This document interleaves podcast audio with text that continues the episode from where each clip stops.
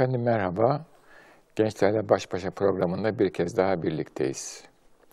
Vaktin bereketini niyaz ediyorum ve besmele ile programı açıyorum. Bu programda coğrafyadan vatana konusunu görüşeceğiz, konuşacağız. Bu tabir rahmetli Profesör Remzi Oğuz Arık Beyefendi'ye aittir. Gençlik yıllarımızda kitaplarını okumuştuk ve bize bir ufuk açmıştı. Kendisini rahmetle yad ediyoruz.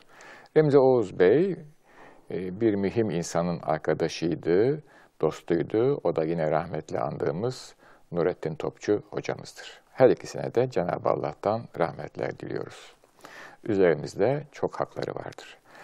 Efendim coğrafya dediğimiz şey bir maddi varlık. Herkesin bildiği gibi bir arz parçası. Üzerinde bir takım oluşumlar var. Bunlar tabii veriler. Ormanları, dağları, nehirleri, ovaları vesaire, körfezleri, e, denizleri.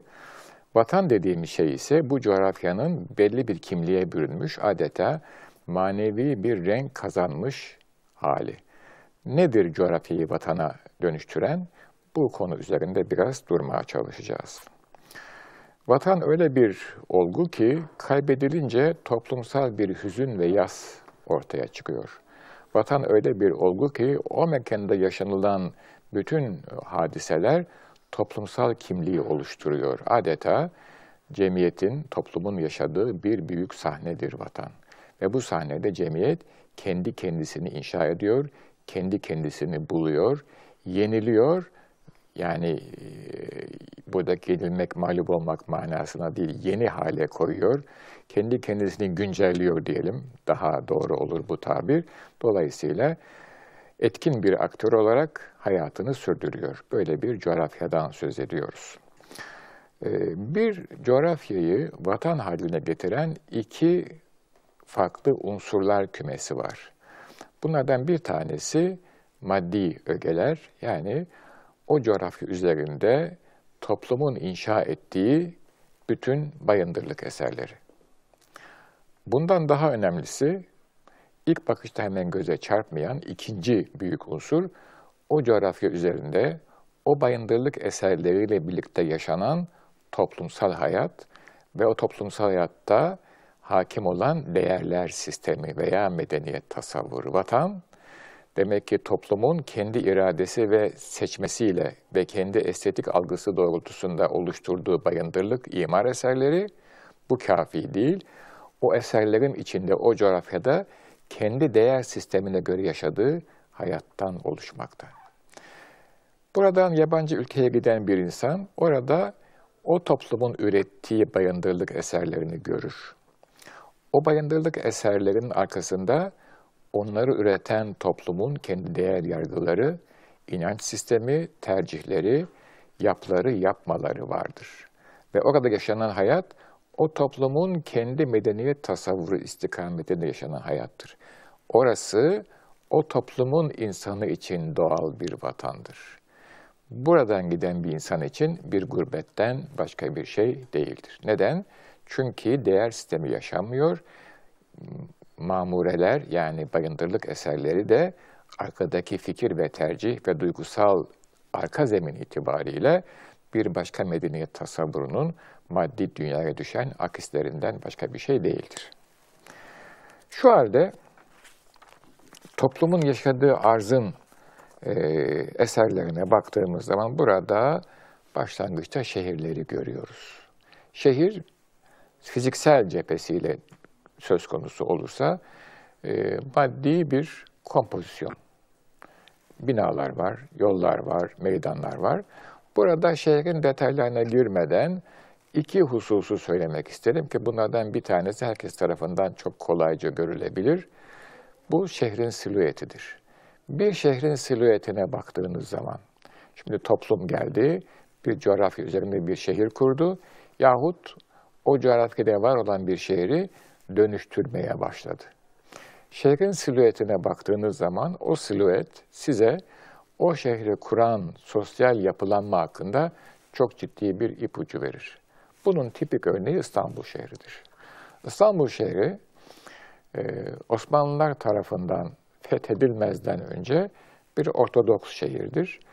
O zamanki resme ki gravürler var, veya ta tasvirler var, tarifler var baktığınızda bir profil görüyorsunuz, bir silüet görüyorsunuz.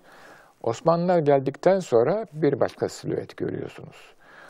Osmanlılar geldikten sonra gördüğünüz silüet şehrin karakteristik tepelerinde ortaya çıkan külliyeler ve bunların ana ögesi olan camiler ve minarelerdir.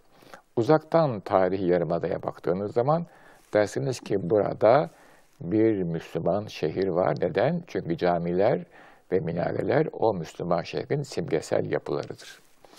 Uzaktan bir Katolik şehrine baktığınız zaman, özellikle Katolik şehirlerinin e, eski şehir dediğimiz bölgelerine baktığımız zaman orada da merkezde katedrali ve katedralin çan kulesini görürsünüz. Diğer binalar o katedrale ve onun çan kulesine muti bir ölçek içindedirler.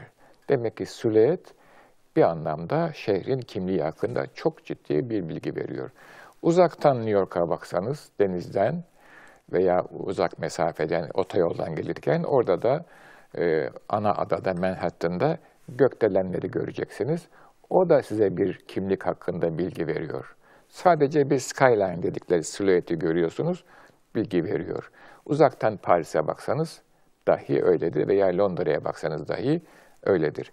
Uzaktan bir antik şehre baksanız Akropol'deki tapınağı görürsünüz ve o şehrin yapısı hakkında tabii biraz da bir şey biliyorsanız hemen bir fikir sahibi olursunuz. Demek ki bir şehrin esprisini o şehre baktığımız zaman hemen anlıyoruz. Bu bir kimlik meselesi. Coğrafya yavaş yavaş vatana dönüşüyor. Ama bu öge kafi değil.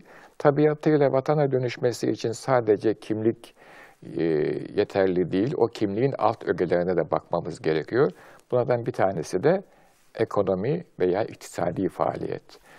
E, bir ülkenin yol şebekesi, bir ülkenin yol şebekesinin geçtiği dağlar, beller, köprüler, virajlar, vadiler bunların hepsi tarihin muhtelif e, devirlerinde hayata damga vurmuş ögelerdir. Birçok e, Anadolu yollarının türküleri vardır, köprülerin hikayeleri vardır. Modern zamanlardaki hikayeler de onlar kadar güçlü ve derin olmasa da yine de otoyol hikayeleri, köprü hikayeleri insanların dikkatini çeker. Bir de tabii Anadolu e, yollarında ki bu e, kervanların geçtiği diğer Avrupa yollarında da var, hanlar vardır. Ben han deyince Faruk Nafiz merhumun Han Duvarları şiirini hatırlamadan edemiyorum. Çünkü o da ciddi manada Cumhuriyet devrinde yazılmış, hala o devirde var olan han kültürünü, yol kültürünü kendi ölçeği içinde çok mütevazi ve çok insani ifade eden bir şiirden e, ibarettir. Çok beni etkilemiştir o şiir. Şu halde kısaca söylemek gerekiyorsa, tabii buna deniz yollarını da eklememiz lazım. Limanları, büyük okyanus maceralarını Mesela şu anda aklıma gelen Portekizlerin Fado diye bir müzikleri var. Bir hüzün müziği bu. Bu müziğin temelinde Portekiz'den denize, okyanusa açılan balıkçıların veya gemicilerin hasreti var ve hicranı var. Gidip dönmeme hikayeleri var. Dolayısıyla her coğrafyanın vatana dönüşürken bıraktığı bir takım tortular var. Demek ki binalar ve o binaların kompozisyonu, e, mimarisi, malzemesi e, bir coğrafyanın vatana dönmesi için gereken bir damga, bir ön şart ama yeterli değil. Ondan daha önemlisi o coğrafyada, o binalarda, o şehirde yaşanan hayat. O hayatı hangi unsurlara göre planlıyor, tanzim ediyor ve yaşıyorsunuz? Eğer sizin toplumunuzun sahip olduğu medeniyet tasavvuruna göre bir hayat yaşamıyorsanız, ki bu zaman zaman böyle olmuştur. Mesela İngilizler Hindistan'a gittikleri zaman oraya kendi usullerini götürdüler. Hintlilerle bir manada bir gerilim söz konusu oldu. Demek ki veya bir başka örnekte verebiliriz. Türkiye'de de bu çatışmayı yani modernite ile klasik arasındaki gerilimi yaşıyoruz. Değer yargıları ortaya çıkıyor. Vatan dediğimiz kavram değer yargılarının mesela bir Almanın yaşadığı şehre baktığımız zaman özellikle eski şehirlere baktığımız zaman veya şehrin eski bölgesine orada kültürel temadiyeti görüyoruz. Bir coğrafyanın vatan olması için o topluma ait değer yargılarının evrilerek gelen değer yargılarının ama kendi orijiniyle irtibatını koparmamış, kendi orijininden kaynaklanan ve zamana ve zemine göre revize edilmiş, gereken düzeltmeler yapılmış, çağın icabına cevap veren medeniyet tasavvurunun yaşandığı bir şehir, e, medeniyet tasavvurunun yaşandığı şehir veya ülke vatan haline gelmiş oluyor. Oradaki insanlar bu görgüyü, bu bilgiyi alıyorlar ve bunu da beraber o günkü hayatlarını ve istikbaldeki hayatlarını ona göre inşa ediyorlar. Aksi halde bir gerilim ortaya çıkıyor. O halde coğrafyadan vatana geçmek için bir defa bayındırdık eserleri. Buna yollar, köprüler, tüneller de dahil. Mesela ben hatırlıyorum bu Semplon Ekspresi 1800'lerin sonu teknoloji tarihinde bundan bahsederler. İsviçre'de uzun bir tünelden geçiyor demiryolu. Orient Express, Şark demiryolu İstanbul'a gelecek. Tünelin iki tarafından giriyorlar ve ortada birleşiyorlar. Birleştikleri zaman meşale ışıkları altında danslı bir bira partisi veriyor İsviçreli inşaatçılar. Neden? Çünkü orada bir manada mühim bir medeniyet hamlesi gerçekleşti. Olan şey bir dağın altını kazmak. Ama kutlanan şey bir büyük medeniyet hamlesinin yeni bir açılımı kutlanıyor orada. Ve Orient Express, işte Agatha Christie'de de malum, e, bir mana, Birinci Dünya Savaşı'na kadar e, Batı'nın çok önemsediği bir e, yol. Bu yolun teknolojik boyutu var, şüphesiz demir yolu vesaire. Ama teknolojik boyutunun ötesinde kültürel ve emperyal bir boyutu da var. Onun da çok kalın altını çizmemiz lazım. Emperyal boyut, bendenize sorarsanız, e, teknolojik boyutunun çok çok daha ötesinde bir şey. E, bugünkü yapılan yatırımlarda da böyle. Bir köprü yaptığınız zaman o köprünün teknolojik anlamı iyice geride kalıyor. İnsanlar onun getirdiği ekonomik değişiklikten, sosyal değişiklikten çok fazla etkileniyorlar. Bir kısım insanlar çok fazla ileri giderken bir kısmı çok fazla geride kalıyor. Bu her zaman böyle olmuştur. Dolayısıyla vatan olmak için kendi medeni e, medeniyet tasavvurunuzun hayata geçmesini e, gerektiren yapıları, o düzeni kurmanız lazım bir şehirde. Aksi halde vatan e, dediğimiz coğrafyayı yakalayamıyoruz. Ancak bu sabit olan bir hadise değil. Hayat daima akıyor. Belki bizdeki algı herkes kendi yaşında bir hayatının bir noktasında saati durduruyor. Ve diyor ki ben artık tamam. Bilgim iyi, görgüm iyi, gelirim iyi, sosyal statüm iyi. Bundan sonra düz gidebilirim. Bunu zaman affetmiyor. Bunu hayat affetmiyor.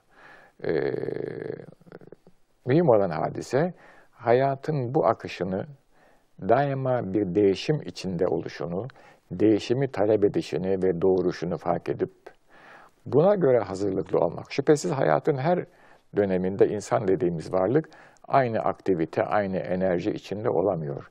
Eylem sayısı düşüyor, eylemlerin niteliği düşüyor ama şunu çok iyi görmemiz lazım. Eylemlerin niteliği düşüyor demeyeyim de niteliği değişiyor diyeyim.